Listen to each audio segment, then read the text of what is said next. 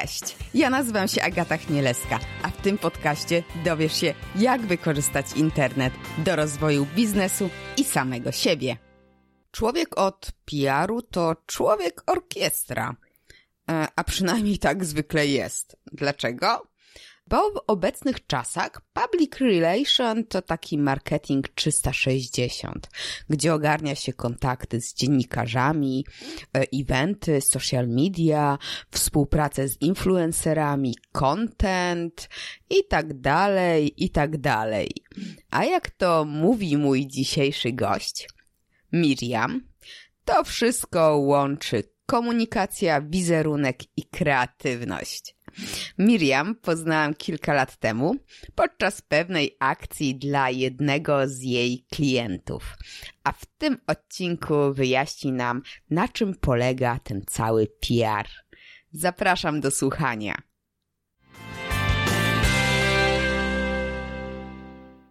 Cześć, fajnie, że zgodziłaś się na rozmowę. E, wiesz co, na początek taka tradycja, Powiedz coś o sobie. Cześć, e, ja chciałam podziękować za zaproszenie w ogóle na tę rozmowę i za możliwość powiedzenia paru słów czy zdań o PR-ze i o tym, czym się zajmuję. Jeżeli chodzi o to, co mogę powiedzieć o sobie, to na sam początek mogę powiedzieć, że jestem e, dziewczyną, która e, jakoś ogarnia ten PR w branży technologicznej i to jest kluczowe, wydaje mi się, w kontekście zawodowym bo kiedy zaczynałam e, pracę 5 lat temu, akurat w miesiącu stuknie mi 5 lat, wow. to ja nie miałam bladego pojęcia o technologii. Zero, nada. I e, teraz czasami przeprowadzam nawet rozmowy kwalifikacyjne u siebie w firmie e, i, i, i ja tym dziewczynom i, i, i też panom, ale częściej dziewczynom mówię, że nie ma się czego obawiać. To jest coś, czego można się nauczyć. Wystarczy po prostu przez okres próbny, czyli trzy miesiące siedzieć na Wikipedii i czytać o tym. Ale zboczyłam oczywiście z kursu. To co, to, co robię na co dzień, to obsługa szeroko pojętego public relations marek z branży technologicznej. Mhm. I tak jakby, jak próbuję to sobie rozłożyć na czynniki pierwsze, gdy ktoś mnie pyta, czym się zajmuję, to najprościej rzecz ujmując, zajmuję się dbaniem o pozytywny, pożądany wizerunek marek, z branży technologicznej właśnie, rozumiany przez to, że zarówno kontaktujemy się w, w firmie z mediami, mhm. e, z dziennikarzami, jak i organizujemy spotkania, konferencje prasowe, eventy, dużo działamy w mediach społecznościowych i dużo by, myślę, że w ciągu całej rozmowy ten obraz będzie coraz bardziej, coraz lepiej uzupełniany. Natomiast no ja się ogromnie cieszę, że mam możliwość rozwijać się w takiej branży, bo ta technologia jest czymś, co dziś jest już absolutnie podstawowym sposobem komunikacji, otacza nas bardzo, ale jeszcze kilka, szczególnie kilkanaście lat temu, to było coś, co było wyjątkowe i, i trudne, więc teraz jest łatwiej to komunikować, ale jednocześnie złożoność zagadnień i złożoność tej tematyki i tak bardzo szerokie portfolio wielu produktów i usług powoduje, że dalej jest potrzebna tak naprawdę komunikacja o technologii. W sumie teraz każdy ma do czynienia z technologią, a jeżeli ktoś nie ma, no to faktycznie można powiedzieć, że jest troszeczkę wykluczony z wielu, wielu rzeczy. A, e, bo ja ogólnie mam takie, PR mi się kojarzy ze starymi mediami, no nie? Gazeta albo jakieś właśnie kontakty z dziennikarzami, a w dzisiejszych czasach, zwłaszcza jeżeli yy, no, odpowiada się za, za wizerunek marek IT, to chyba to takie już yy, przestarzałe troszeczkę skojarzenie, prawda? to dużo zależy od tego, o jakim PR-ze, jakby, co, co, co nam się kojarzy, gdy myślimy PR, bo dla części osób PR jest dalej określeniem na przykład kojarzonym mocno z polityką. Mhm. I wtedy gdzieś te relacje z mediami, konferencje prasowe, takie rzeczy, które kojarzymy już z filmów już z lat 80., one gdzieś tam mają odniesienie. Natomiast y, w innych dziedzinach, w branży technologicznej, ale też w branżach FMCG, w, nie wiem, w takich, które bardziej mamy z nimi na co dzień do czynienia, tak to owszem, ten kontakt z mediami jest istotny, no bo to jest podstawa, ale dzisiaj moim zdaniem PR ewoluował bardzo. To znaczy, to już nie jest e, po prostu spotykanie się i, i, i, i wyłącznie relacje z mediami, na których można opierać jakość swoje działania.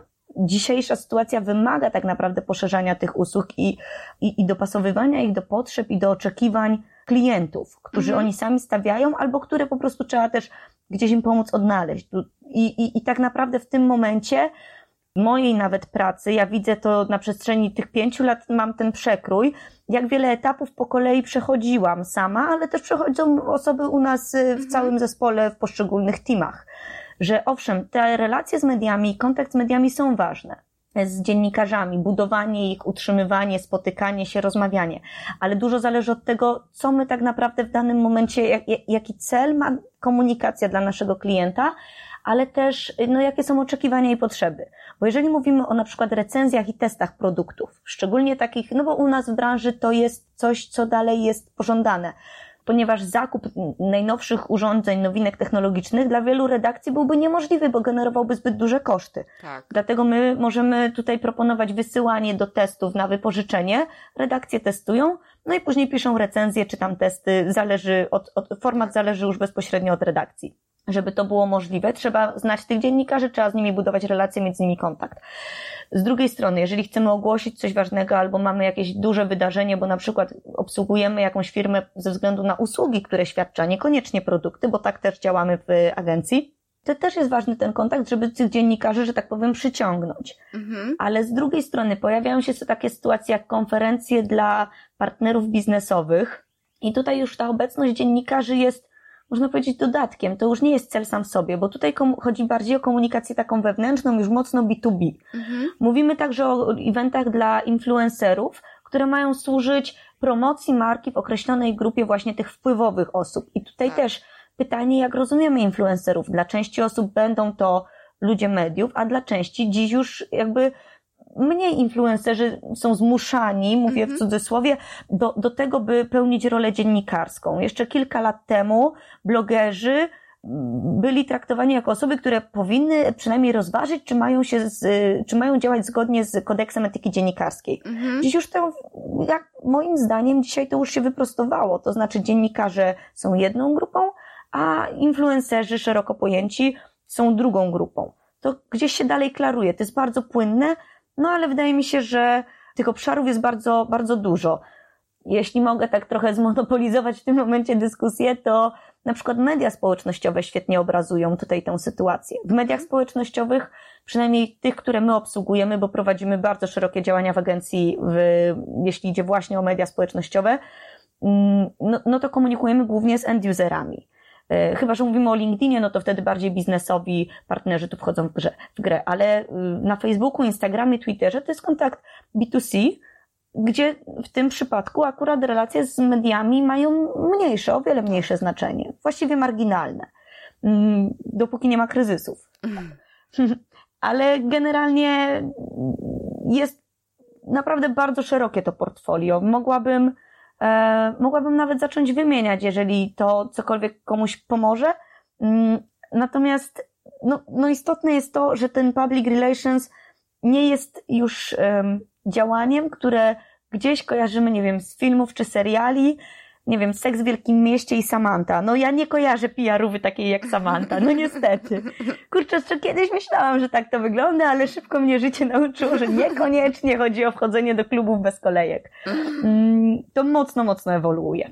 Właśnie, przy markach e, technologicznych jak mówiłaś o tych influencerach, dziennikarzach, do testów, no to ja miałam, tutaj będę nazwami mówiła, e, pierwsze skojarzenie AntyWeb, Spiders Web i takie serwisy to traktujecie jako dziennikarskie czy influencerów? Akurat Spiders Web i AntyWeb to dwa największe media po prostu w branży technologicznej, jeśli idzie o, można powiedzieć, grupy blogowe. Aha. Tylko, że ten, te blogi, bo to dalej są blogi, mimo że mają, mają, to jest, no właśnie ciężko mi, myślę, że tutaj trzeba by spytać Przemka albo, albo Grześka tak. bezpośrednio. Natomiast e, to są blogi zrzeszone w grupach, e, po prostu e, w takich większych grupach medialnych, e, które mają też znamiona portali. Natomiast z mojej perspektywy ja ich traktuję jako media. Jeśli idzie o influencerów, mam tu na myśli osoby, które bardziej lifestyle'owo okay. mogą coś prezentować, ze względu na to, że Antyweb i Spiders Web są e, przykładami bardzo mocno wyspecjalizowanych działań, e, takich kontentowych, czy właśnie jeśli idzie o testy, czy recenzje, z tego względu, że to są po prostu media technologiczne.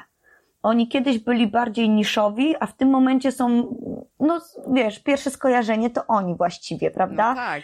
Teraz zresztą rozbudowują się, szczególnie Spiders Web, bardzo mocno rozbudowuje swoje y, spec- wyspecjalizowane mm, serwisy, nie? Serwisy, tak, chciałam powiedzieć produkty, ale to niekoniecznie będzie dobre określenie. Serwisy o wiele bardziej pasuje. E, generalnie chodzi o to, że dalej tam tworzą blogerzy, dalej to nie są takie redakcje jak na przykład e, PC Lab czy Pure PC, gdzie tutaj nie mamy wątpliwości, że są to po prostu redakcje technologiczne, tak. ale w tej perspektywie Spiders Web czy Antyweb mimo że mm, mm, określane są jako blogi, no to ja je traktuję bardziej już jako media. Kontakty z mediami, no to super. Ja też się kontaktuję z różnymi osobami. Co to jest to kontakty z mediami? Na czym to polega?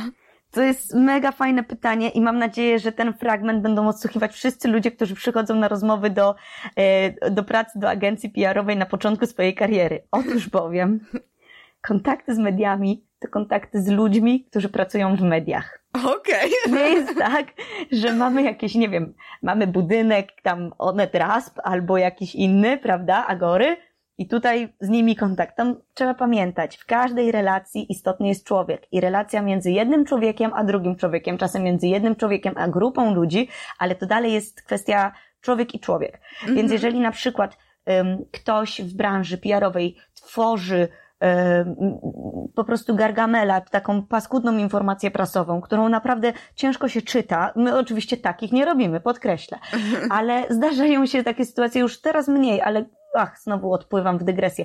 W każdym razie chodzi o to, że jeżeli zapominamy, że odbiorcą po drugiej stronie naszego komunikatu, jakiegokolwiek, jest człowiek, no to zdarza się, że próbujemy pisać czy tworzyć materiały, takie odczłowieczone, takie, takie nie do końca odpowiadające na potrzeby tej osoby. A te relacje z mediami to jest po prostu ciągła próba dostarczania takich informacji, odpowiedzi, materiałów, kontentu, który drugi człowiek pracujący w danej redakcji będzie mhm. mógł wykorzystać. I potem ten człowiek będzie wiedział, że jeżeli będzie potrzebował wypowiedzi, komentarza, fajnego materiału, to może się do nas zwrócić, bo przeka przekażemy mu coś, co jemu będzie użyteczne i przydatne. Bo mhm. często błędem, który popełniają PR-owcy, jest to, że oni próbują e, po prostu za wszelką cenę gdzieś tam w bardzo krótko, falo, takim krótkowzrocznym spojrzeniu e, upchnąć, mówiąc kolokwialnie, jakąś informację, jakiegoś mm -hmm. newsa, nie patrząc na to, że dziennikarz po drugiej stronie, nawet jeżeli raz to puści, to następnym razem niekoniecznie odbierze naszego maila czy telefon, bo no ważne jest, żeby też w jakiś sposób okazywać szacunek tej pracy, do, do, do tej osoby, do, do pracy tej osoby. Mhm. Ja uważam, że dziennikarze i PR-owcy nie powinni absolutnie być ze sobą jakkolwiek, um, nie wiem, rywalizować, czy być wrogo nastawieni, wręcz przeciwnie, to jest pewnego rodzaju symbioza. I jedni i drudzy mieliby ciężko bez siebie nawzajem. Już dzisiaj nie byłoby to niemożliwe, by dziennikarze działali bez PR-owców, PR-owcy bez dziennikarzy, ale byłoby to trudne i byłoby to smutne. Mhm. Bo tutaj istotne jest to, żeby pamiętać, że te długofalowe, budowane relacje, takie też międzyludzkie, takie, że nie wiem, dzwonimy i zaczynamy od rozmowy, co słychać, jak plany na wakacje, jak tam, nie wiem, dzieci, zależy od stopnia bliskości z daną osobą. Ale ja tak mam, że ja jednocześnie uważam, że to są, po pierwsze chcę rozmawiać z tymi dziennikarzami, po drugie lubię z nimi rozmawiać, szanujemy się nawzajem, możemy załatwiać, że tak powiem, kolokwialnie biznesy, ale nigdy nie jest tak, że ja się odzywam, proszę mi puścić tutaj wiadomość, ja wysłałam maila, kiedy będzie puszczone, bo to jest brak szacunku do tej mhm. osoby. Więc czemu jej miałoby zależeć na tym, żeby spełnić, czy tam, no spełnić to, czego ja potrzebuję? To nie ma sensu. Tak samo w drugą stronę to działa, że jeżeli ktoś, powiedzmy, wysyła zapytanie o komentarz jakiś do jakiegoś tematu, taki ekspercki, my y, wspólnie z klientem przygotowujemy całość i odsyłamy i na przykład miałabym sytuację drugi, dwa czy trzy razy, że ktoś prosi mnie o to, a potem tego nie wykorzystuje, to później też będę dwa razy się zastanowić, czy na pewno warto. No bo jednak to jest inwestycja czasu, zaangażowania drugiej osoby, więc myślę, że to jest istotne. Patrzenie na, na te relacje z szacunkiem i pamiętanie, że zawsze tam, zawsze, zawsze tam jest człowiek, po prostu. Zobacz, to co mówisz, to jest tak, no ludzie, więc komunikujemy się z ludźmi, ale właśnie współpraca z ludźmi jest trudna. Bo ten człowiek po drugiej stronie, my możemy być e, jacy mili, a ten człowiek po drugiej stronie faktycznie może być taki mniej miły, zwłaszcza, że też mamy różne dni, różne momenty, więc to chyba nie, to tak trudno trochę, co? No, tutaj jest tak naprawdę, znaczy, w relacjach chodzi o to, żeby budować je znacznie wcześniej, niż wtedy, kiedy rzeczywiście będziemy musieli je wykorzystać. To znaczy, że najważniejsze jest, aby w pierwszym kontakcie wziąć telefon, zadzwonić, przedstawić się, powiedzieć, co możemy e, my od siebie oferować tej drugiej osobie, na przykład temu dziennikarzowi, i właściwie powiedzieć, po prostu zaanonsować się, mówiąc wprost, mhm. a nie brać telefon, dzwonić z załatwianiem tematu, kiedy jesteśmy obcy dla tych ludzi. Bo wtedy, jeżeli trafimy na gorszy dzień tej osoby, a już mamy zbudowane relacje, ta osoba wie, że dzwonimy nie tylko wtedy, kiedy coś potrzebujemy, czy tam piszemy, nie tylko wtedy, gdy czegoś potrzebujemy, ale po prostu podtrzymując ten kontakt, dbając o te relacje, no to wtedy nawet jak trafimy na gorszy dzień, to nie jesteśmy jednym z wielu, mhm. tylko jesteśmy już wtedy kimś, z kim warto po prostu porozmawiać. I ja wiem, że to jest nieco takie, można powiedzieć, abstrakcyjne i oderwane od rzeczywistości w kontekście dnia codziennego, bo powiedzmy, jeżeli mamy załatwić coś w urzędzie, to po prostu dzwonimy mhm. i załatwiamy w urzędzie. Ale tu właśnie wchodzi kwestia tego, czym jest public relations, czyli dla mnie to są przede wszystkim, przede wszystkim kontakt stały z drugim człowiekiem i takie stopniowe budowanie tego wizerunku. Ja to zrobię metaforę budynku tutaj, że najpierw musimy mieć fundamenty, mhm. które są naprawdę mocne, czyli musimy mieć wiedzę w temacie, w którym dzwonimy. Nie możemy być ignorantami, nie możemy, nie wiem, po prostu zadzwonić z czymś tam i, i nie móc odpowiedzieć na najprostsze pytanie. Potem mamy mury, czyli jakby umacnianie takiej mm, postawy, że ten nasz odbiorca, czyli dziennikarz, dziennikarze, czy, czy, czy no w przypadku PR-u to dziennikarz, dziennikarze, mogą na nas polegać, e, ufają temu, że nie prześlemy im żadnego gargamela i potem mamy dach i tak dalej.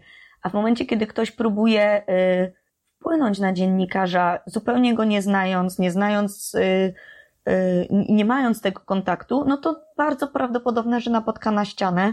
No bo taki dziennikarz też jest człowiekiem, on odbiera kilkadziesiąt takich wiadomości, no telefonów czy, czy, czy komunikatów dziennie. Więc ta różnica tutaj jest, y, powiedziałabym, no to jest to jest wyróżnik PR-u na tle innych działań, bo to jeżeli mówimy o działaniach takich czysto sprzedażowych, no to chcę coś sprzedać, dzwonię, załatwiam, sprzedaję, tak? No ale tutaj nie mówimy, tutaj jakby bardziej kupujemy czyjś czas, zaufanie, szacunek, no bo to jest bardzo ważne. O tym się rzadko kiedy mówi w ogóle w kontekście public relations. Jak ważne jest to, żebyśmy sami jako PR-owcy dbali o to, aby dziennikarze czy ludzie, z którymi współpracujemy, wiedzieli, że mogą na nas polegać i że znamy się na tym, co robimy. Mhm. A powiedz mi, co to jest ten gargamel, bo myślę, że Znaczy ja to tak nazywam takie paskudne informacje prasowe, takie, czy materiały, komunikaty w ogóle, to mogą być artykuły eksperckie, ja to, to jest takie kolokwialne określenie, jest mnóstwo takich określeń, ale to jest coś, co po prostu wstyd wysłać, mówiąc okay. wprost. Że na przykład nie ma korekty zrobionej. Ja bardzo dużą uwagę zwracam na korektę, mm, aby nie było powtórzeń, aby nie było jakichś błędów logicznych, bo no jakby sprowadzając to do najbardziej takiej najprostszej, pod, takiej najbardziej prostej w ogóle z podstaw, to to jest coś, za co klient płaci agencji. Okej. Okay. I co dziennikarz ma otrzymać y, jakby przy, w imieniu klien- y, przez agencję, tak jakby od klienta, mhm. nie? I jeżeli, no a jak parę lat temu jeszcze bardzo często na Facebookach pojawiały się fragmenty czy to rozmów, czy właśnie nawet takich prasówek, gdzie ewidentnie były niedopracowania, ktoś to puścił za szybko. No i wydaje mi się, że to jest Oczywiście, że nie jest to jakiś najbardziej kuriozalny błąd, który powoduje, że trzeba wyrzucić tę osobę dyscyplinarnie, absolutnie. No ale nie powinno to być standardem. Mimo wszystko to słowo pisane dalej powinno być dopieszczone, że tak to ujmę. Mhm. Tych wiadomości to jakby nie pracujemy w papierze, że wysyłamy 50 depeszy dziennie, króciutkich, tylko to powinno mieć fajny tytuł zachęcający, dobry lead, jakieś wprowadzenie do tematu, konkretne rozwinięcie, zakończenie, nie trzeba się siedzieć nawet na puentę, to jest informacja mhm. po prostu. No ale jeżeli ona jest niedopracowana, to ciężko ufać, że inne, bardziej powiedzmy zaawansowane działania będą dopracowane. Mhm.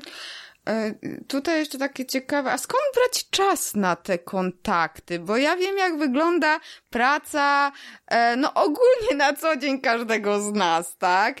E, no większości, dobra, większości w branży technologicznej, nietechnologicznej, ogólnie tej takiej wizerunkowo, marketingowo, PR-owej, no cały czas jesteśmy w niedoczasie. Więc dla mnie to jest takie, ale kiedy?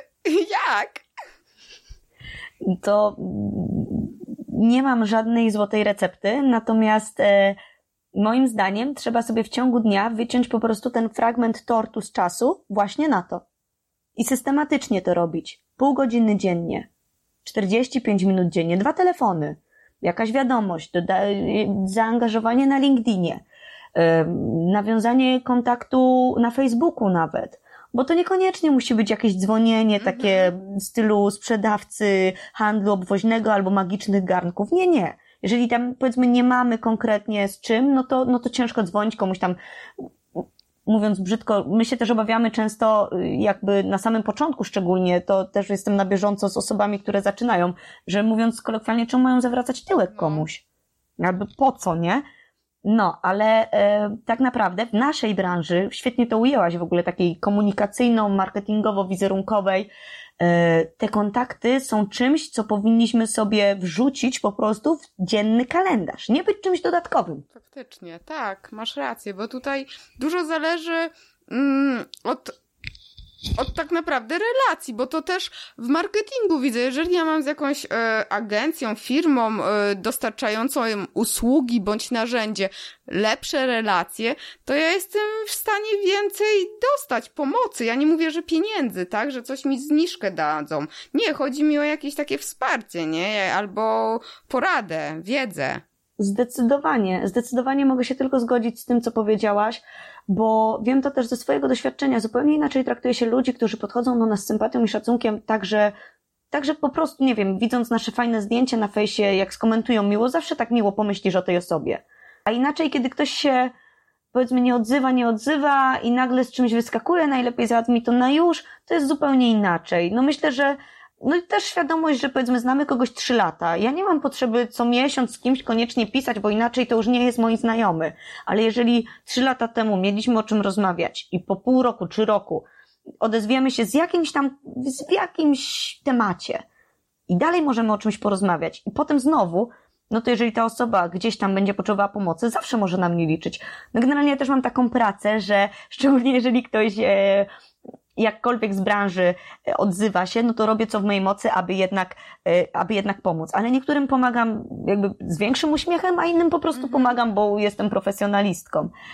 Mm, I myślę, że to świetnie pokazuje też w wielu innych dziedzinach, szczególnie w takich długotrwałych relacjach, jak to jest istotne, bo nie wszystko właśnie świetnie, że to podkreśliłaś, że nie wszystko trzeba sprowadzać do jakichś pieniędzy czy zniżek, ale tu nawet chodzi o poradę. Mhm. Mi się na przykład zdarzało, że znajomi prosili, mm, nawet znajomi, mm, także można powiedzieć częściowo z branży, bo na przykład dziewczyny, które pracowały w jakichś działach marketingu, w jakichś wydawnictwach, z którymi kiedyś współpracowałam, bo jakieś reklamy czy coś tam zlecaliśmy, i one się odzywały, że siema, y, potrzebuję sobie kupić laptopa, ale nie idę z moim chłopem, bo już mam dość i trochę on mi pokaże czarnego, wielkiego kloca, który powie, że jest wydajny. Ja nie chcę czarnego, wielkiego kloca, ty mi powiedz, co ja mam sobie, na co ja mam patrzeć. -hmm. No i ja wtedy rozumiem potrzebę tej dziewczyny i ja z uśmiechem jej podpowiem, żeby wzięła z SSD, bo lekki, bo coś tam, na co takie jakby umiejętne wytłumaczenie tego też jest istotne, ale też świadomość no, potrzeb tej osoby. Ta osoba nie potrzebuje, żeby ten komputer mhm. działał 12 godzin tylko żeby był lekki i ładny. No i mało można było na nim pracować. Jest dużo tego typu przykładów, ale te relacje są czymś, co jest, mm, co jest naprawdę bardzo ważne i takie, no, budujące mimo wszystko, bo biznes biznesem, wiadomo, że cyferki w Excelu się muszą zgadzać, raporty raportami, ale fajnie jest mieć świadomość, że, że w swojej pracy jest się też tak no nie wiem, nie chcę nadużywać um, jakby sytuacji mówić lubianym, mm-hmm. ale cenionym i, i, i z taką sympatią wzajemnie podchodzić do ludzi. Myślę, że to jest super ważne. No tak, no ja z tym tak walczę, bo ja to jestem z tych osób, co do brzegu do brzegu, szybko, szybko, więc, e, więc tak, uczę się e, wplatać taki small talk, a wracając jeszcze do tego, znaczy wracając, idąc e, tym tropem właśnie, że odzywają się do ciebie o poradę, o komputer, branża IT, a czym się różni e, właśnie PR takich e, marek technologicznych, na przykład no Acera, przy którym się e, poznaliśmy, poznałyśmy na evencie, e, a załóżmy branża modowa, jakiejś też agencji usługowej, no nie wiem, samochodowej, czy to są jakieś takie mm, kluczowe kompetencje, że faktycznie no zupełnie inne działania się podejmuje? Ciężko mi jednoznacznie odpowiedzieć, bo ja od samego początku zawodowej, takiej już profesjonalnej kariery działam w agencji specjalizującej się wyłącznie w branży technologicznej.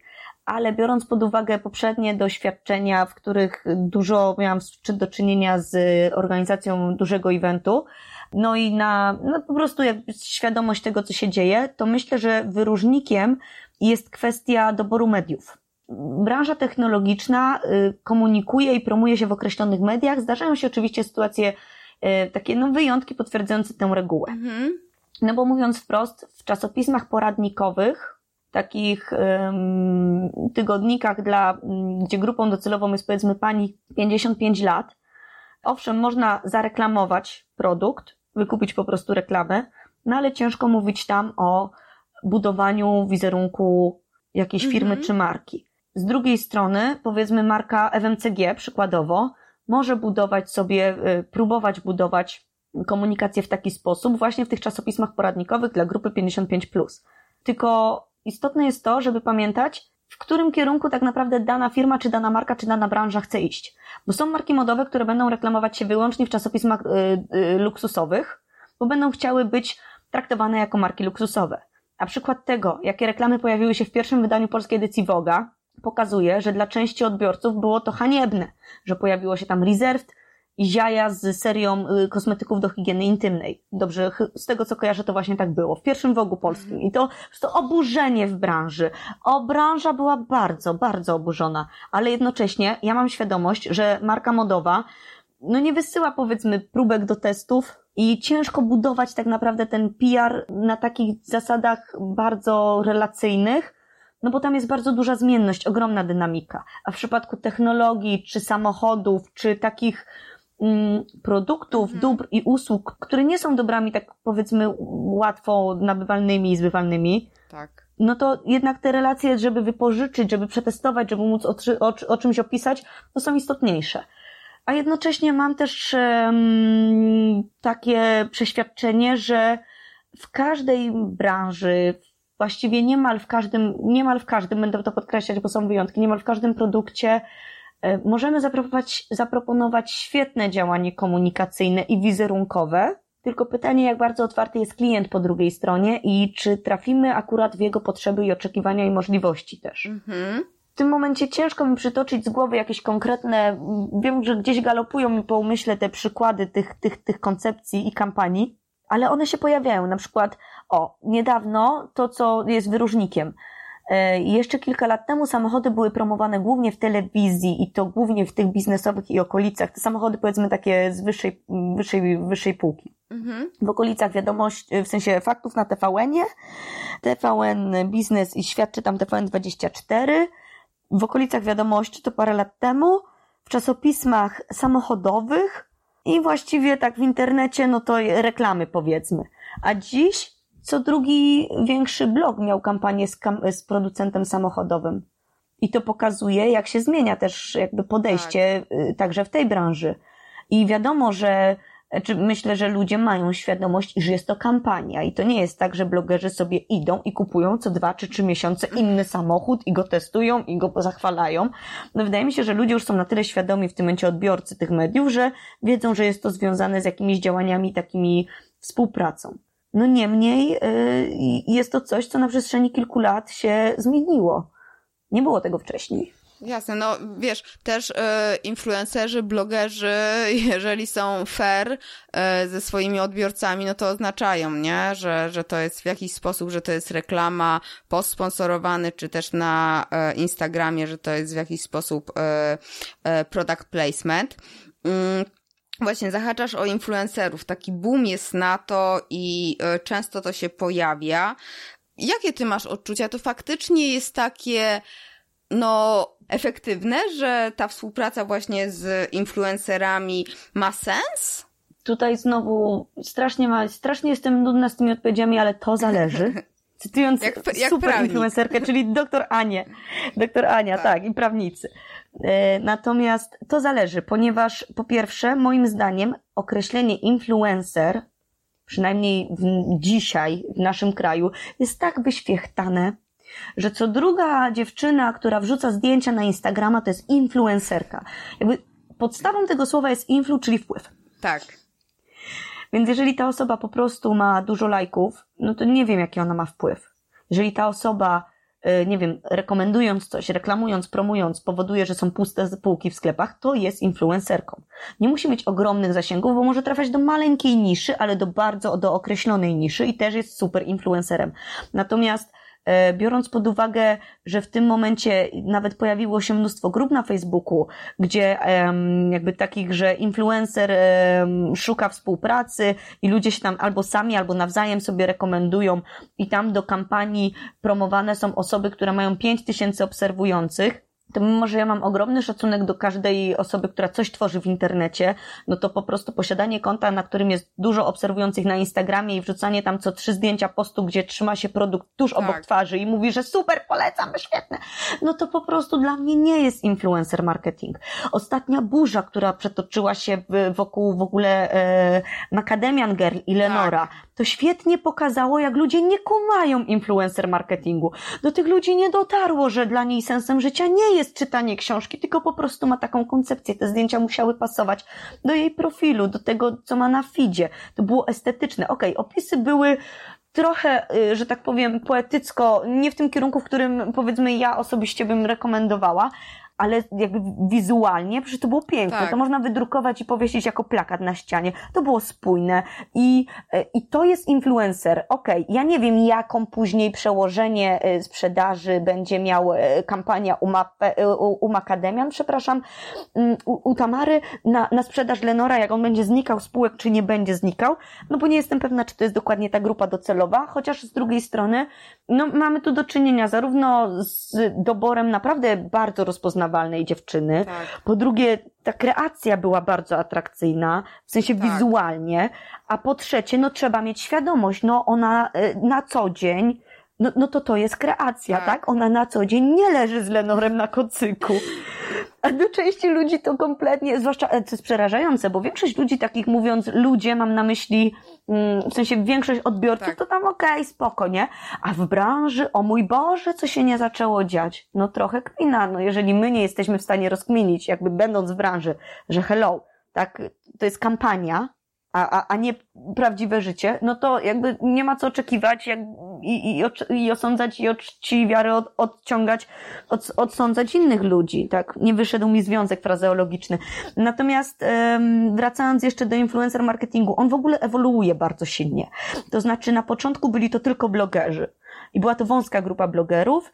Później to zaczęło się zmieniać. Później poszło w kierunku YouTube'a i vlogów w ogóle. Tak i to się ogromnie rozwinęło. Zresztą dla Acera byliśmy, yy, Acer był jednym, jednym, jednym z pierwszych brandów, który tak mocno wszedł w ogóle, jeśli nie pierwszym w Polsce, tak mocno e, na YouTubie aktywnym. Mm -hmm. myśmy te działania z Acerem zaczęli bodajże w 2015 roku z YouTuberami. O. To było mega wcześnie. Tak. E, gdzieś tam te ścieżki sobie przecieraliśmy te szlaki, wtedy z marką, z marką Predator. Natomiast Y, no i to e, dzisiaj się rozwija, jest bardzo dużo kampanii z, właśnie z youtuberami, z, mnóstwo blogerów założyło kanały na YouTubie, e, bo, bo wideo, bo wideo będzie sprzedawać, dziewczyny kończcie blogi. Później był szał Snapchata, na szczęście moim zdaniem, tak. przepraszam, ja jestem, nie jestem fanką ja Snapchata, tak to ujmę delikatnie. Snapchat gdzieś tam upadł, no i Instagram, e, że tak powiem, przejął te wszystkie funkcje, no i w tym momencie, jeżeli ktoś po prostu jakkolwiek ma audytorium na Instagramie, jest określany influencerem. Mhm. No nie. I to jest istotne, żeby, moim zdaniem, influencer marketing jest super, ale pod warunkiem, że mówimy rzeczywiście o influencerze, czyli osobie, która ma wpływ na grupę docelową, do której dociera. Jakiś wpływ, w sensie no pozytywny, tak? Tak, tak, tak. Ja do tych e, w ogóle postów e, Tamary Makadamiam e, podlinkuję, bo może nie każdy na to trafił, a faktycznie przyznaję, że są dopracowane na tip-top i jak plakaty. Okej, okay, influencerzy, a jak załóżmy w przypadku sklepu internetowego, tak? To jest taki dla mnie ciekawy temat, czy można e, prowadzić działania PR-owe, public relation dla sklepu internetowego i niech to będzie jakiś z branży technologicznej. Nie wiem, Morelenet, Computronic, e, e, ale chodzi mi głównie o, o sklep internetowy, a nie o sklepy naziemne. Jasne. No to mogę nawet rzucić przykładem z branży. Mhm. Mm, kurczę, teraz to się boję, bo jak odsłuchają to inne sklepy, to się obrażą, ale moim zdaniem XCOM tutaj tak. bardzo fajnie działa, tylko w, oni y, własnym sumptem mają własny dział marketingu. Oni są bardzo aktywni i w mediach społecznościowych i, i, i, i y, organizują inne wydarzenia. Teraz na przykład, y, żeby nie było, że tylko jedną markę chwalę, Morele weszło we współpracę z Predatorem i um, no mam nadzieję, że się nie pomylę z Nvidią. Co to jest? Predator i... Predator to jest y, ta marka gamingowa Acera. Aha, okej. Okay. I tworzą własny turniej esportowy. Natomiast przechodząc jakby do sedna, sklep internetowy, który przede wszystkim jest, y, no, no nie, nie działa na tym, żeby przyjść do sklepu i kupić, tylko kliknąć po prostu, może sobie budować ten wizerunek jak najbardziej, wręcz wskazane. W sensie nie wyobrażam sobie, aby było inaczej, bo samą reklamą nie przyciągniemy zaufania ludzi mhm. i no ale jak to robić? Jak te, budować ten wizerunek? Mm, no kurczę, strategie kosztują, moja pani droga, to nie ma tam tutaj hop Nie, a tak poważnie to e, trzeba sobie, znaczy owszem, strategie kosztują, więc na pewno nie jestem w stanie teraz w rozmowie wymyślić strategii, która będzie no jakimś dobra, sukcesem. No dobra, ci tam zaraz o tym rozliczymy się. Numer konta 49, coś tam, coś tam, nie, żartuję, ale tak poważnie to em, zanim w ogóle zacznie się jakiekolwiek działania, trzeba się zastanowić, co chcemy zrobić, czyli jaki jest cel, jak to chcemy zrobić, czyli jakie działania podjąć i po co, czyli jakie będą efekty. I jeżeli chcemy być, powiedzmy, oceniani i odbierani jako e, fajny sklep z fajnymi promocjami, no to trzeba w tym kierunku budować. Ale jak chcemy być oceniani jako sklep, który oferuje coś więcej, czyli na przykład, nie wiem, super promocje na dodatkowe rabaty, czy taką rozszerzone te pakiety, no to z kolei w tym kierunku. A jak to robić? E, moim zdaniem e, narzędziami do takiej komunikacji własnej, czyli odpowiednio poprowadzoną stroną internetową w ogóle. To jest podstawa, o której dużo jednak mimo wszystko podmiotów gdzieś tam nie pamiętam. Na szczęście największe sieci i te sklepy mają do, do, dopracowane strony. Natomiast ważne jest, żeby było to przejrzyste, żeby była y, informacja w ogóle o tym, y, co to jest za, no po prostu uzupełnione tę ten, kwestię o nas, żeby była przede wszystkim świetna obsługa klienta, bo to jest tak naprawdę istotne wizerunkowo dla tych sklepów, że klient, który otrzyma pomoc na czacie, czy szybko jakieś rozwiązanie przez support swojej sprawy, nie będzie negatywnie mówił o tym sklepie, a ten, który nie otrzyma albo otrzyma chamską odpowiedź, o, to no złota zasada w marketingu, tak? Jak jesteś zadowolony, to powiesz może jednej, może dwóm tak. osobom, może, ale jak jesteś niezadowolony, to dziesięciorgu. I, i, I myślę, że tu się to sprawdza bardzo mocno. Fajnie jest też, jeżeli dobrze prowadzą swoje działania w mediach społecznościowych, bo media społecznościowe to jest coś, co jest naszym, własno, naszym własnym poletkiem do budowania komunikacji i wizerunku. Jeżeli w tych mediach społecznościowych królują memy z dziećmi, e, no to jakby bąbelki, tak, tak. E, no to, no to może być ciut ciężej e, z budowaniem jakiegoś tam zaufania. E, jeżeli na przykład na med w mediach społecznościowych są jedynki w ocenach i że w ogóle chamy i gbury na saporcie, no to też mm, powiedzmy lodówki bym tam nie kupiła, prawda? No bo się będę obawiać, czy tam telewizora, wracając tak mocniej do technologii. No to są takie aspekty, o których no niby są oczywiste, ale nie dla każdego jednak wychodzi na to, bo gdzieś tam się to nam e, zdarza, że no spotykamy się z jakimiś tam opiniami dość negatywnymi o danym miejscu. Tak, tak, tak. No, dokładnie, wiesz co, ja mam też takie wrażenie, takie poczucie trochę, yy, że public relation w dzisiejszych czasach to jest taki troszeczkę łącznik po różny, po, pomiędzy różnymi y, działaniami z zakresu marketingu, bo i treści, czyli content, to pod SEO bardzo mocno. E, druga mhm. rzecz, no i trzeba też, jak się pisze dla internetu, no to dobrze, żeby ta agencja, e, która tworzy, czy copywriter znał te zasady SEO, żeby to też wykorzystać, nie? Piszemy dla człowieka, ale też dla algorytmów. Druga rzecz to też jest to, co mówiłaś, social media to także jest influencer marketing, to także jest wysyłanie, e, niektóre agencje PR wiem, że też zajmują się wysyłaniem właśnie newsletterów jakichś, tak, bo to też jest komunikacja, e, czy to właśnie jeżeli mm, jest działka biznesowa, zwykle bardziej do biznesowej, tak, nie do, do konsumenta takiego mhm, mm, B2C. I i tak mi się wydaje, że właśnie to jest taka troszeczkę już to idzie w takie wszechstronność trochę. Ja nie chcę powiedzieć, że y, od wszystkiego to y, od niczego, nie? Ale ja widzę w ogóle ogólnie taką synergię działań pomiędzy różnymi działkami marketingu internetowego i właśnie tej komunikacji, która jest tutaj głównym y, motorem public relation i z jednej strony macie cholernie trudne zadanie, a z drugiej strony ogromne, fajne pole do działania, nie? To mogę się pod tym podpisać, bo tak naprawdę to jest trochę klamra z tym, od czego zaczęłyśmy. Ponieważ ten PR jako public relations rozumiany w taki najprostszy sposób, w mojej ocenie tego już nie ma. W sensie, jeżeli byśmy tylko na tym działali tak. w agencji, no to mielibyśmy duży problem bo nie dostarczalibyśmy rozwiązań na, na potrzeby, pomijając już oczekiwania, ale przede wszystkim potrzeby klientów. Bo w tym momencie tak naprawdę agencja, no w sensie agencja, w której ja pracuję, mimo że ma w nazwie PR, tak, jest Vents PR, mm, to, to, to ten PR jest tylko wycinkiem, jest częścią. Tak. Bo ten PR taki właśnie, czyli relacje z mediami, testy, informacje prasowe, komunikaty, wypowiedzi medialne, to jest część ale oprócz tego mamy właśnie, e, idąc po kolei, mamy, mamy jeszcze media społecznościowe i to szeroko, bo Instagram, Facebook, LinkedIn, Twitter, e, Czekam na pierwszą kampanię z TikTokiem. Naprawdę chciałabym móc zrealizować pierwszą kampanię z TikTokiem, tym bardziej, że jeden z naszych klientów jest prekursorem w ogóle działań marketingowych TikToka w Polsce. Więc naprawdę mega bym chciała mieć szansę zrealizowania takiej kampanii. Ale idąc dalej, mamy YouTube i wideo i też w agencji na bardzo wysokim poziomie w tym momencie y, oferujemy i przygotowujemy te treści z wydarzeń, z eventów. Prowadzimy własne działania na YouTubie, w sensie dla marek, mm -hmm. który, który, które obsługujemy. Organizujemy eventy online'owe, czyli takie, gdzie są relacje na żywo i offline'owe, czyli takie, na którym właśnie mm, miałyśmy okazję się poznać, chociaż takich influencerskich już mamy coraz mniej. Natomiast prowadzimy, organizujemy też te eventy mm, dla partnerów biznesowych, E, takie spotkania e, już trochę bardziej kameralne z określoną grupą dziennikarzy, nie takie bardzo szerokie konferencje prasowe. Tego robimy bardzo rzadko w ogóle w mhm. agencji. My mamy bardzo mało takich standardowych konferencji prasowych w hotelu. Mhm. Ultra mało.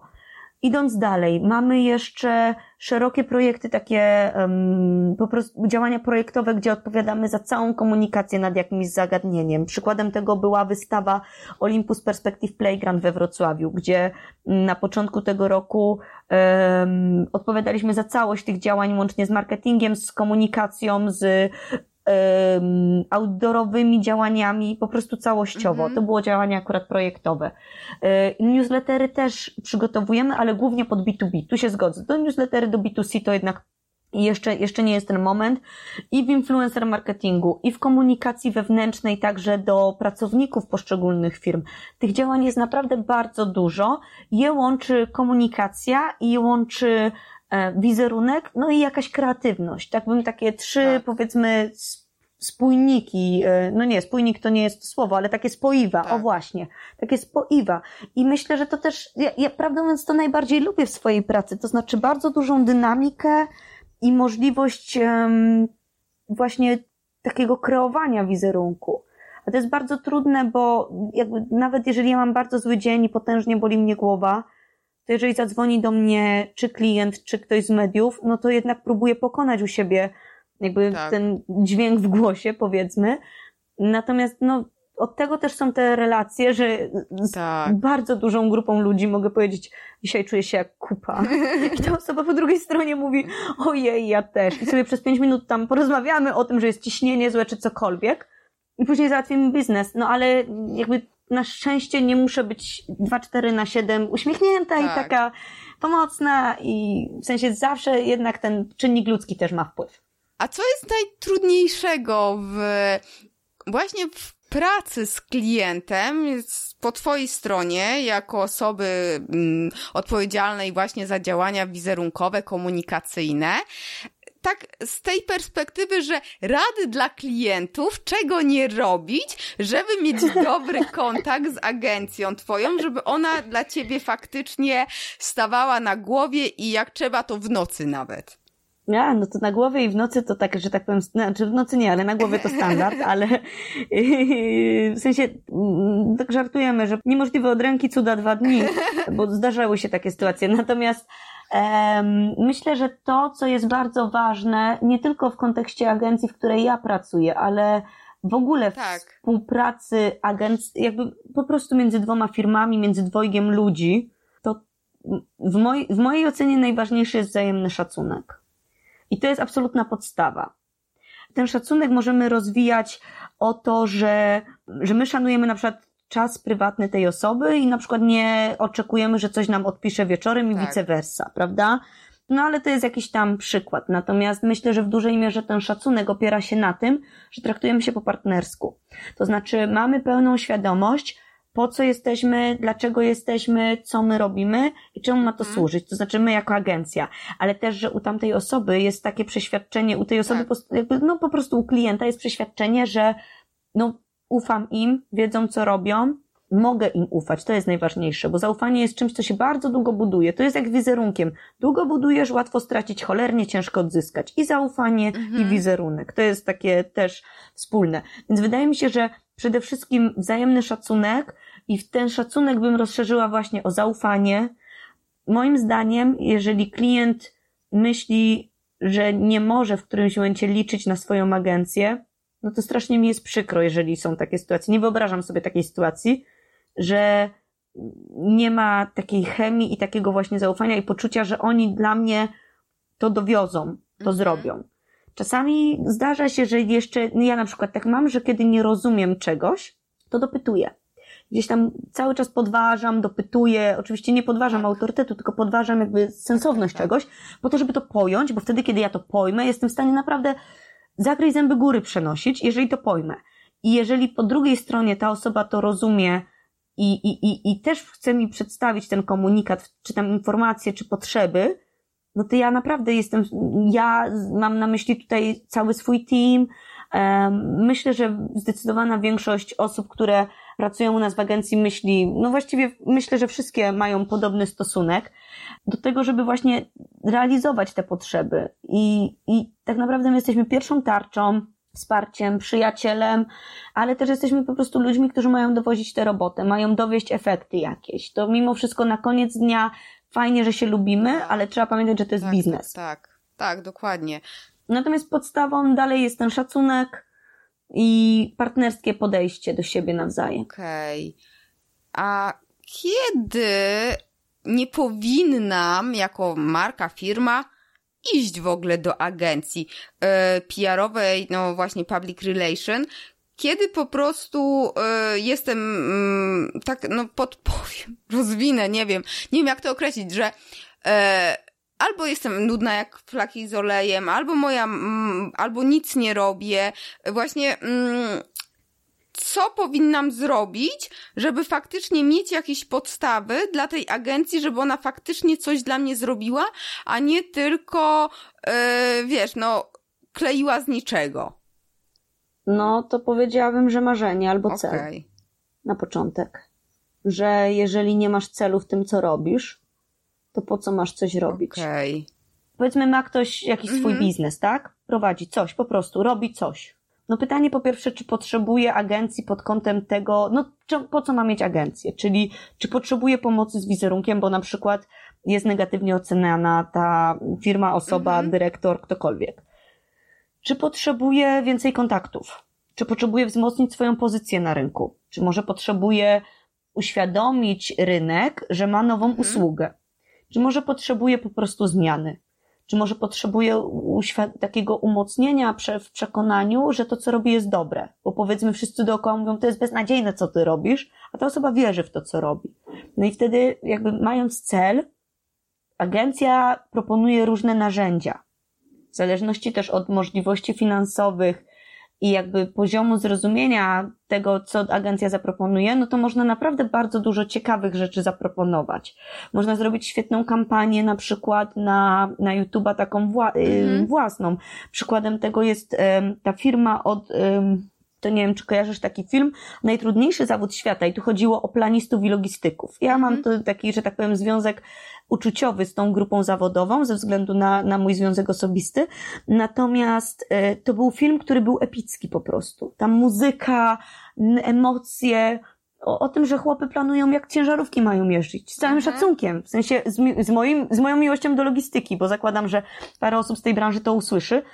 Ale ten film był epicki. I teoretycznie, no to właśnie po co? No po to, żeby pokazać, że to jest trudny zawód. No i, i myślę, że, no nie wiem, teraz cały czas mi po głowie, nie wiem dlaczego urąbała mi się fabryka śrubek. Ale fabryce śrubek też moglibyśmy zrobić. Znaczy niekoniecznie my w agencji, bo jednak my technologicznie bardzo mocno. Ale e, fabryce śrubek, czy tam producentowi jakichś śrubek też można coś zrobić, bo, no bo śrubki przytrzymują nam tak. szafę, trzymają półkę, żeby nie spadła, jak ktoś ma, nie małe dziecko i ma nad tym półkę ze zdjęciami. No to bez takich porządnych wkrętów, śrubek, no to spadnie, trzaska i po dziecku, nie? W sensie można, i oczywiście nie chodzi mi o to, żeby straszyć, tylko można budować naprawdę na wiele, wiele, wiele sposobów. Natomiast jeśli ktoś uważa, że na wszystkim zna się najlepiej, jest najmądrzejszy i w ogóle od czepcie się wszyscy ode mnie, bo jestem najmądrzejszy, no to rzeczywiście taka osoba może nie mieć czego szukać w agencji no PR-owej. Tak, to, to myślę, że wszędzie taki jest to naj, najgorszy typ klienta, że ja wiem lepiej, ale ja, ja wam płacę, więc róbcie co ja chcę, żebyście co, co tak, nie? To jest brak partnerstwa, o którym wcześniej, w sensie, o którym wcześniej mówiłam, że to partnerstwo jest ważne, taki mm, bardzo biznesowo-partnerski stosunek jest istotny, bo jeżeli ktoś uważa, że zna się lepiej, no, to po co dokładnie. ma płacić? Z całym szacunkiem, no, ta osoba się wkurza, y, ludzie w agencji się męczą, bo to nie jest przyjemne pracować, jeżeli ktoś jest niezadowolony. To jest wręcz takie frustrujące, tak. powiedziałabym. No chyba, że ktoś się nie przejmuje swoją pracą, no ale to wtedy ciężko tej osobie w pijarze i prędzej czy później zrezygnuje. Tak, tak, tak. No z klientami to właśnie jest różnie i, i dlatego też tak podpytuję, żeby mm, jak ktoś będzie, jak myśli o tym, no bo... Yy, jest załóżmy sobie sklep internetowy, no i czuje, nie, że, że go, o nim jakoś mało, ale też no właśnie, jest sobie sklep, za wiele nie robi nic, on po prostu jest, tak? Ma reklamy Google Ads, ma jakiegoś tam Facebooka, yy, nie wiem, no sprzedaje, pff, nie wiem, co może sprzedawać. No niech sprzedaje śrubki. E, no nie, no niech będzie właśnie taki, e, śrubki to już może za, za trudny temat, ale dobra, niech będzie ten sklep taki e, z komputerami, jakimiś takimi rzeczami. I nie robi tak szczególnie nic wielkiego. To jest jakaś dla niego taka nadzieja, czy na, nadzieja, czy jest po prostu sens, żeby on wychodził, czy to wy zaczniecie tworzyć jak coś, jakąś historię e, wokół niego, czy on najpierw powinien sam e, zacząć działać, żeby było co mówić o nim, bo tak to jest, no, nic nie ma co powiedzieć. Tutaj jest tak naprawdę istotne, czy y, dana, dane przedsiębiorstwo, dany sklep, dana firma będzie gotowa na uderzenie skali mhm. i na inwestycje, bo jednak, no nie oszukujmy się, PR to nie jest po prostu to, że jesteśmy fajni i nie wiem, za uśmiech i satysfakcję mm, działamy, tak. to jest jednak biznes. I, i, I za dobry biznes trzeba płacić. Część ludzi dalej tego nie rozumie, niestety, no ale to po prostu z nimi nie. Myślę, że w każdym biznesie w którymś momencie ludzie mają świadomość, że jeżeli kogoś trzeba przekonywać do tego, że warto zapłacić za usługę dobrej jakości, no to nie ma tak. sensu wchodzić w dyskusję, no tak. Więc tak naprawdę, jeżeli to jest maleńki sklepik, który gdzieś tam sobie działa, no to w momencie, jeżeli powiedzmy zainwestuje no, na swoją skalę, jak sobie to mogę wyobrazić, bardzo duże pieniądze, takie przemyślane, kompleksowe działania, może nie udźwignąć skali, jeżeli będzie, jeżeli ludzie się, mówiąc wprost, -hmm. rzucą na to. Okay. I są takie przykłady marek, niekoniecznie technologicznych, no bo tu jest ciężej ze składowaniem. Mało, mało firm e, podejmuje inwestowanie w produkty IT, które mogą bardzo szybko w ciągu pół roku, w ciągu nawet, no myślę, że pół roku, trzech kwartałów mogą, wartość może znacznie spaść, ponieważ wyjdzie na przykład nowy procesor, nowa karta graficzna, jakieś udogodnienie. Ale są branże jak kosmetyczne, ubraniowe i inne, że mały sklepik, mały sklepik, nagle mhm. coś buchnęło, w sensie wybuchło, bo powiedzmy jakaś osoba znana po prostu sama z siebie oznaczyła na Instagramie czy na Facebooku, nie? No na Instagramie prędzej. I, te, i, i, ci ludzie nie są w stanie udźwignąć. Więc jakby tutaj istotne jest to, że jeżeli mamy mm, działanie na niedużą skalę, a chcemy się rozwinąć, no to raczej nie sugerowałabym, żeby zaczynać od PR-u, chyba, że możemy dostarczać coś, co jest unikatowe. To wtedy tak bo wtedy trzeba o tym komunikować.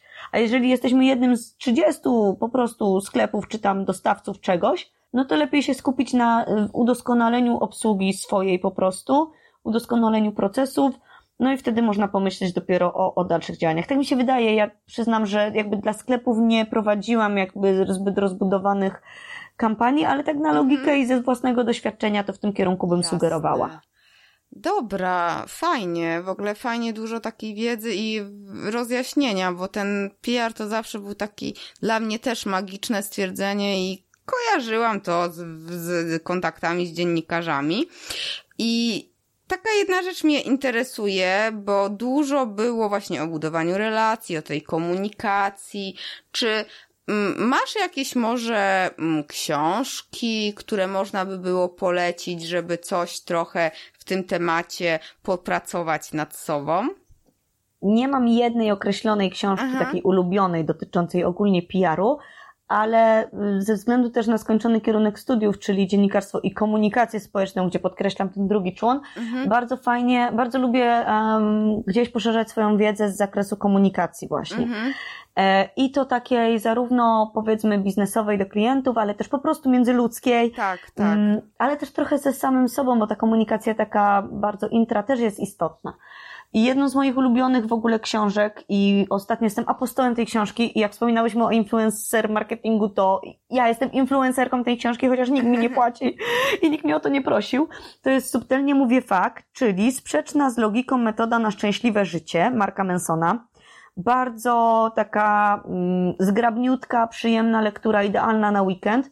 O tym, co zrobić, by po prostu przestać się gdzieś tam niepotrzebnie zamartwiać.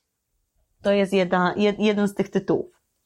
W kontekście biznesowym i takiej komunikacji, um, powiedziałabym bardziej po prostu międzyludzkiej, już na takim poziomie mm, relacji właśnie gdzieś firmowych i tak dalej, to jest Simon Sinek i zaczynaj od dlaczego. Myślę, że te lektury słuchacze Twojego podcastu mają już w małym palcu, ale jeśli ktoś się uchował, kto tego nie czytał, to naprawdę jest um, godne polecenia.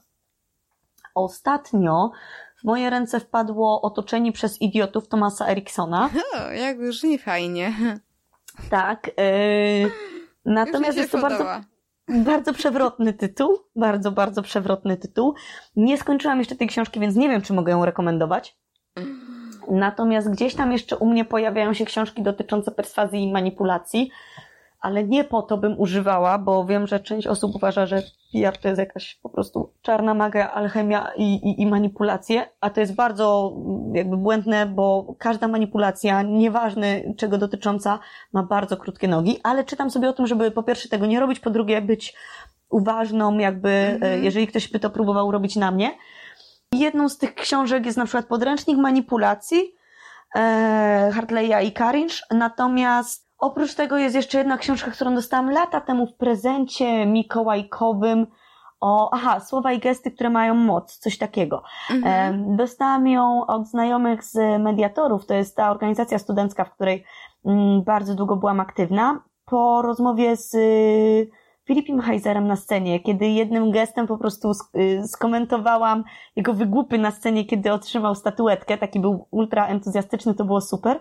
Natomiast no, ja wtedy wiedziałam, że muszę uważać, no bo Filip jest tak silną osobowością, że mógł mnie totalnie stłamsić w tej rozmowie, a jednak chodziło o to, żeby ta rozmowa się odbyła. Tak. No więc tam ta książka na przykład jest o tym, e, no ja bardzo nie lubię właśnie takich tekstów typu, że ułóż dłonie w piramidkę, a będziesz odbierany jako poważny. Natomiast tam są na przykład, nie wiem, takie o, o, o podświadomej mimice, mikromimice. To jest naprawdę coś, co warto sobie gdzieś tam choćby przejrzeć, e, przeczytać, spojrzeć na to, no bo dopóki sobie tego nie przeczytamy, nie uświadomimy, to naprawdę jest, um, póki nie mamy tej świadomości, no to zupełnie nie zwracamy uwagi na takie rzeczy. Później po lekturze takich książek na wszystko zwracamy uwagę, jesteśmy ultra specami, no a później gdzieś to się na szczęście wyrównuje, zeruje. Więc tak. tak, te kilka pozycji na pewno myślę, że mogę polecić, ale myślę, że w każdej książce, która dotyczy tego, co nas gdzieś interesuje, e, co jest nam bliskie, możemy znaleźć zarówno to, co wyciągniemy jako pozytywne, a też to, z czym się nie zgadzamy. Ja zresztą bardzo lubię polemizować gdzieś jakby we własnym umyśle z tym, co czytam, bo wtedy lepiej to zapamiętuję, lepiej jestem w stanie to zrozumieć. Więc ta polemika myślę, że jest i takie podważanie tej rzeczywistości takiej ciągłe y, też jest istotne gdzieś tam. Tak, tak, tak. Dobrze, ja Ci bardzo dziękuję. Wiesz, wreszcie rozjaśniłaś mi, jak wyglądają te kontakty z mediami i ogólnie ten cały PR i, i faktycznie um, jest tutaj duże pole do popisu i działania. E, linki do, do, e, do miejsc, gdzie można Ciebie znaleźć, to, to wyciągnę od Ciebie i dam w notatkach e, do, do tego odcinka podcastu. No i co? Życzę dalszych y, sukcesów i trzymaj się. Pa. Dzięki serdeczne.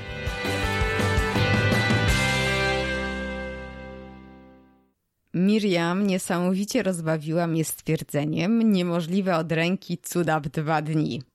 E, nasza rozmowa utwierdziła mnie jeszcze bardziej w przekonaniu, że do pracy z klientem i budowania relacji trzeba mieć jednak predyspozycje, no i mocne nerwy.